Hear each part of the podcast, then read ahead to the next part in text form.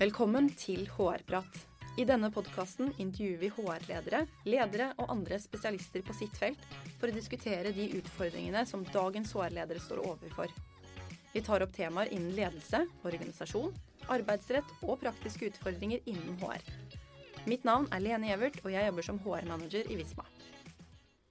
Velkommen til ny episode av HR-prat. Dagens tema er mobilitet i arbeidsmarkedet etter usikre tider. Og for å snakke om dette har vi invitert Henrik Jørn, velkommen til deg. Takk skal du ha, takk for invitasjonen. Kan ikke du begynne med å fortelle oss litt om deg selv? Eh, jeg har vel jobbet i HR Norge i 20 år, og da spesielt med kartlegging og undersøkelser og rapporter om hva som skjer, trender, hvordan virksomhetene løser problemene. og hvilke bivirkninger de opplever av det de gjør, og hva er hindringene våre uh, for å få til de der bra HR-tingene. Ja, så bra. Det er et godt utgangspunkt for dagen i dag. For dere har jo sett litt på de tingene vi skal snakke om her i dag tidligere i høst, fra det jeg har forstått? Ja. ja.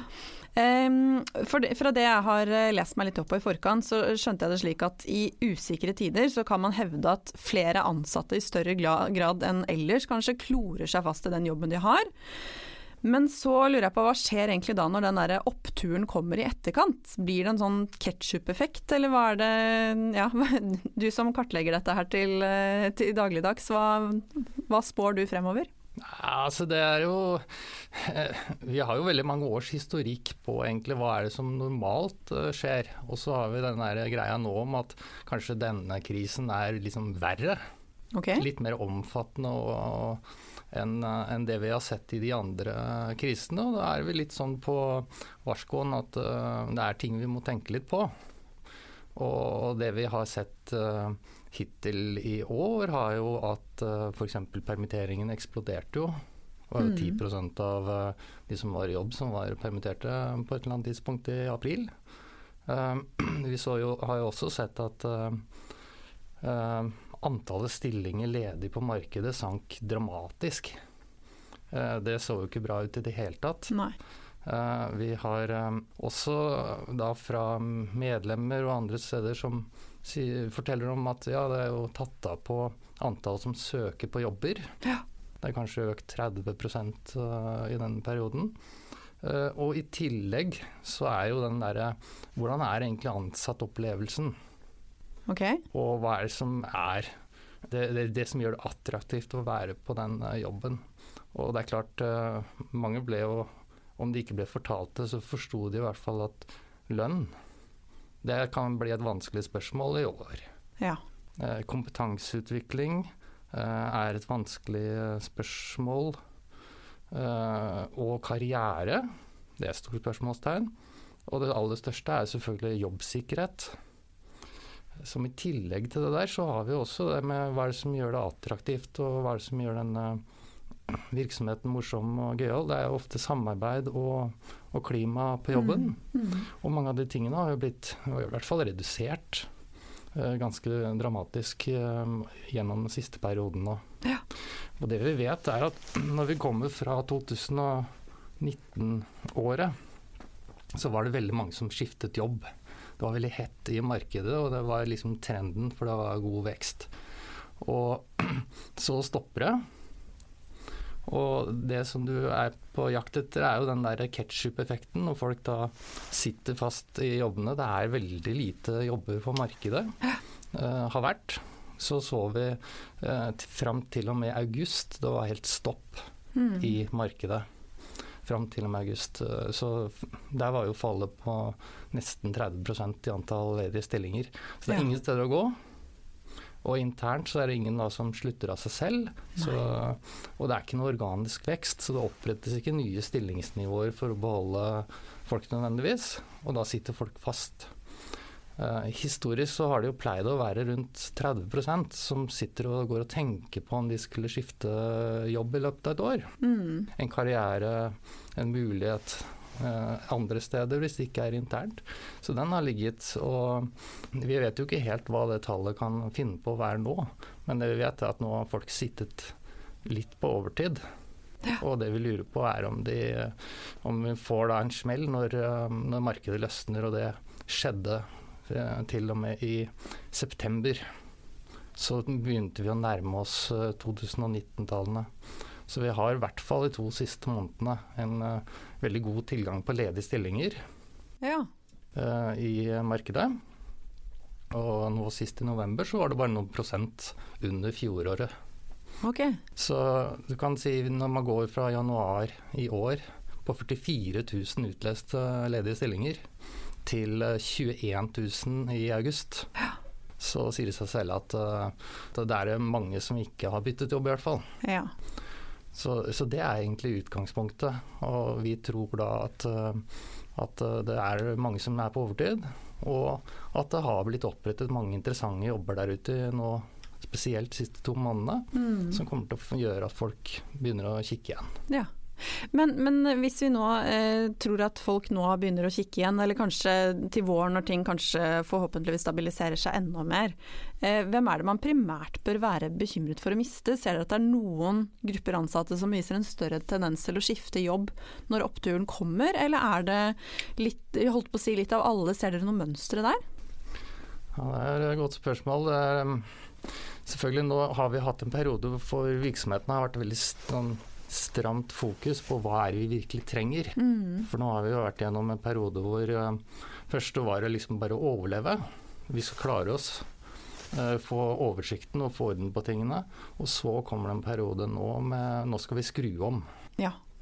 Og det er jo den, uh, der vi er på vei. Men vi kommer fra en, en historikk hvor du har hatt veldig kort tidshorisont.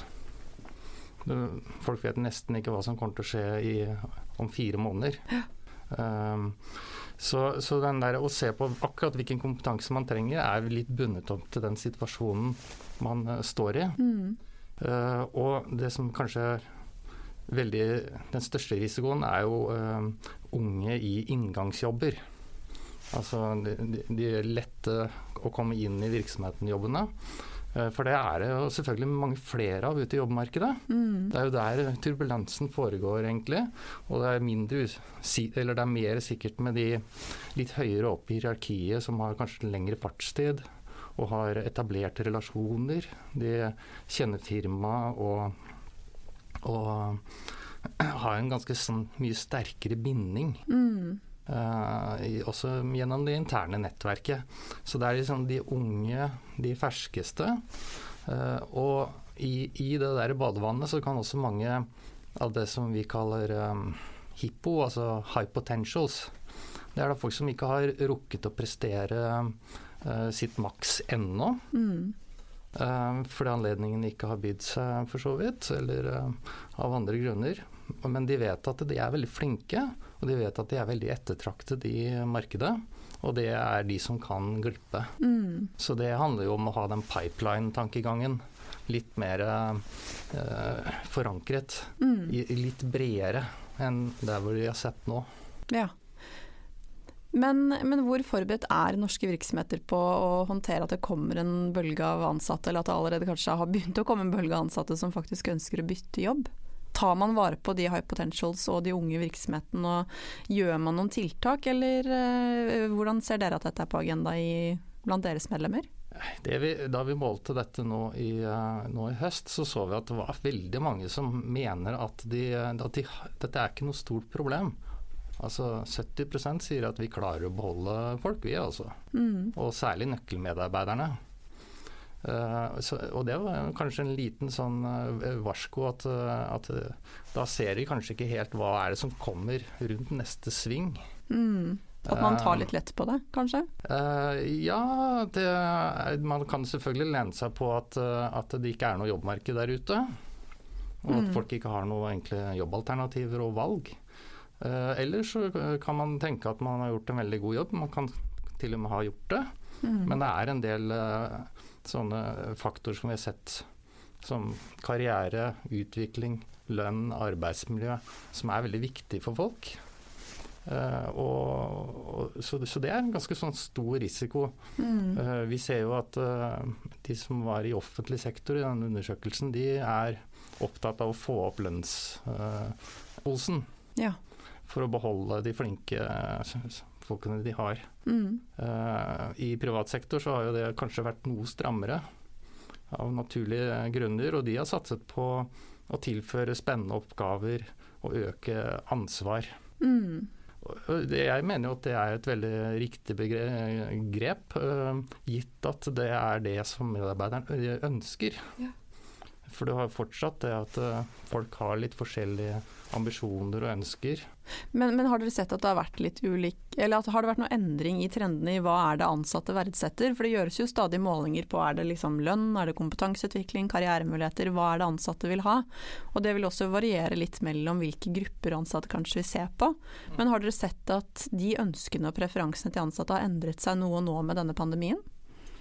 Ikke i vesentlig grad. Det er selvfølgelig Jobbtrygghet seiler jo litt opp. Det er jo gjerne disse fempunktslistene som man leser overalt. Om det som betyr noe er uh, relasjon til nærmeste leder, f.eks. Mm. -hmm. og det er jo et stort uh, spørsmålstegn. hvordan er det den er?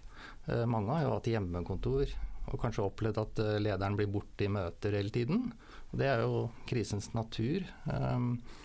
Så Og vi vet jo også at uh, å sitte på hjemmekontor det er jo ikke den beste sånn for relasjon og, å nette seg på folk. Selv om det foregår informasjonsutveksling, kommunikasjon. Mm.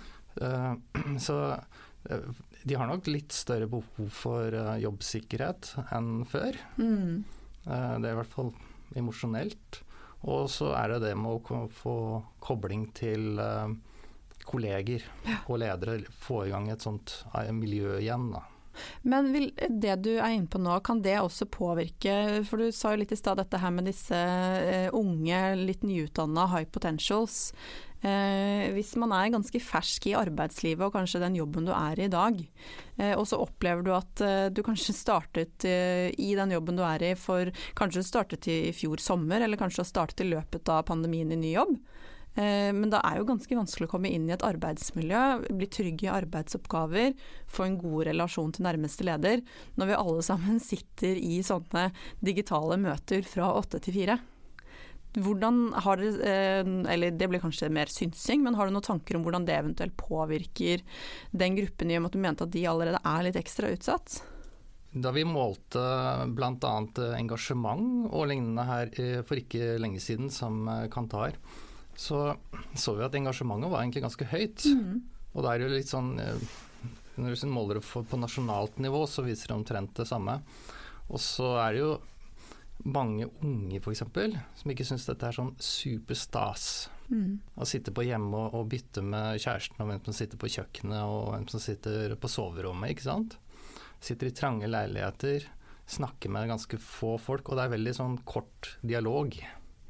Det er, eh, det er, beskjeder som blir gitt, og det er lite uh, Lite sånn reell kommunikasjon, kanskje, som er, plager folk flest. Mm. Så det tror jeg er liksom de hovedproblemene med den perioden vi har vært nå. At vi trenger å, å connecte mye, mye bedre. Og den teknologien vi har, er kanskje ikke egnet for alt. Mm. Det er ikke alle typer møter vi bør ta på video. Nei, jeg har altså forsket, ikke forsket, utforsket litt varianter for å få til gode workshops, f.eks. Kreative prosesser. Mm. Og det, vi har, alle har jo merket at det blir veldig annerledes. Og det er veldig mye mer krevende. Mm. Og ikke minst så kanskje det er mye mer tidkrevende. Men vi setter fortsatt av den derre timen. Og da må man gå fra fem minutter før for å koble seg på neste. Så, så, det er en ganske stor utfordring. Og det er jo litt sånn uh, psykologisk safety, eller det å føle seg trygg, er jo også en stor forutsetning for kreativitet mm. og å få til innovasjon. Ja. Og det var jo et stort, stort tema allerede i 2019 og faktisk tidligere i år, og vi har satt det på agendaen. Psykologisk trygghet. Mm. Men um jeg lurer litt på eh, om du kan si noe hvis vi skal spole tilbake til dette her med at alle sammen, eller veldig mange kanskje vil bytte jobb etter hvert eh, når ting stabiliserer seg litt. Kan du si noe om den totale effekten? Hvis, dette, jeg tenker sånn, hvis dette her rammer flere virksomheter samtidig, de fleste virksomheter ser kanskje ut til å potensielt ta litt lett på det. Eh, ofte så kan man jo se i én en enkelt virksomhet at hvis én eh, ansatt i en avdeling plutselig slutter, så slutter flere. At det blir litt sånn dominoeffekt. Men hvordan tror du det blir hvis mange virksomheter fremover kan oppleve en økning i turnover? Har det noe å si? Altså Det er jo store eller attraktive virksomheter har ikke det samme problemet med å få tak i eh, kompetanse. Um, og det er jo litt sånn som du er inne på, at, eh, at eh, det blir også en sånn dominoeffekt som er veldig positiv for rekrutteringsselskapet, kan vi si. Ja. Fordi at når én forsvinner, så skal en annen inn, som må komme fra et eller annet sted. Og det er en sånn veldig positiv spiral eh, når det gjelder den dynamikken. For det gir veldig mange jobbalternativer. Men det skaper jo en del bryderi også, at du, du mister ikke bare folk som pensjonerer seg. Eh, du mister folk som kunne blitt noe, eller som var veldig flinke. Mm. Eh, sånn at du hindrer jo, eller stopper jo produktiviteten for en periode. Det er også ganske dyrt å, å, å drive og rekruttere. Og dyrt å, å, utvikle folk til å levere på et mm. visst nivå. Eh, så det er, det er selvfølgelig det er en hyggelig sak at folk blir på jobb. Da har virksomheten en sjanse til å, til å fortsatt å snu dem. Og få dem til å, å, engasjere seg og bli en del av familien. Og det er jo det vi håper at virksomheten har brukt den tiden til. At de har klart å, å få bedre relasjon med folk. De har klart å, å binde de litt eh, tettere inn eh, i virksomheten. For den der dominoeffekten den er jo litt sånn hvis du har et stort firma og det forsvinner en litt høyere opp i hierarkiet, så skal den stillingen fylles kanskje nedenifra. Mm. Uh, og da plutselig så er det en stor uh, prosess, hvor du til slutt kanskje må ha en helt i bånn også. Ja. Så, så, det går uh, vertikalt og horisontalt. men det er, jo veldig, det er jo gøy når det er fres i arbeidsmarkedet, når det er tilgang på kompetanse. Ja, det, det, det, er fordeler òg. Det er veldig fordel. Så lenge ikke alle etterspør den samme kompetansen, sånn som vi har sett på teknologi de siste to årene. Hvor det liksom var du teknolog eller av noe variant, så var det helt crazy lønninger, f.eks. Mm. Uh, og så etterspurt kompetanse, det ender jo med at det blir skrudd opp uh, prisen på. Mm. Sånn er det bare. Ja. Betalingsviljen øker. Ja, den gjør visst det. Ja. Eh, vi var jo litt inne på dette her med disse her fempunktslistene og hva som er viktig for ansatte. Og vi var også litt inne på hva som har blitt gjort i privat og offentlig sektor. Men hvis vi skal tenke litt nå på, på tiltak kanskje som virksomheter eventuelt kan gjøre for å hindre turnover, er det noen av de tiltakene vi har vært innom nå og diskutert i, i løpet av siste kvarteret som du tenker virksomheter kanskje bør se på hvis man skal gjøre faktisk noen tiltak nå? Hvis vi ser at vi er redde for å miste noen nøkkelpersoner i vår virksomhet, vi bør iverksette noen type tiltak. Er det noe tips eller råd du har knytta til det? Jeg kan jo spandere fire råd på den saken. da. Ja. Og Det handler litt om uh, i utgangspunktet at uh, virksomhetene kanskje må uh, jobbe mer med, eller være mer opptatt av hva er det som blir kritisk fremover. Ikke bare hva som kommer neste sving, eller hva er det neste som kommer til å skje nå. Ja. Men hva er det som kommer etter det? Så ikke bare se neste kvartal og frem til sommeren, men eh, ja, løfte blikket og se litt lenger frem i tid. Ja, det er uh, greia. er det, for de, Det kan være at de som er kritiske medarbeidere, eller nøkkelmedarbeidere eller et eller annet, de er det i en viss mm. avstand i tid, og så er det andre kompetanser eller andre personer som kan ta uh, den neste fasen uh, videre. Ja. Eh, så, så, så, det er jo en sånn, kall det en sånn forsiktig oppfordring. Men det er jo selvfølgelig ikke lett å se hva er det som kommer etter det som kommer etter det som kommer etter det. Men man må få den litt lengre tidshorisonten på plass. Hvis ikke så blir man lett tatt av alt uh, som bare renner inn av, av problemer og utfordringer. Uh, og det er litt det der at kanskje virksomheten må bli flinkere til å hva, hva slags kompetanse er vi egentlig trenger da den uh, tiden frem. Mm. Uh, og det er ikke så veldig lett å sette fingeren på alltid, og særlig ikke hvis det er en litt ny og ukjent uh, kompetanse. Hvor mye trenger vi av den? Hva, er, hva, er, hva skal vi egentlig se etter? og hvis du har det der blikket internt, hvem er det som har det hos oss?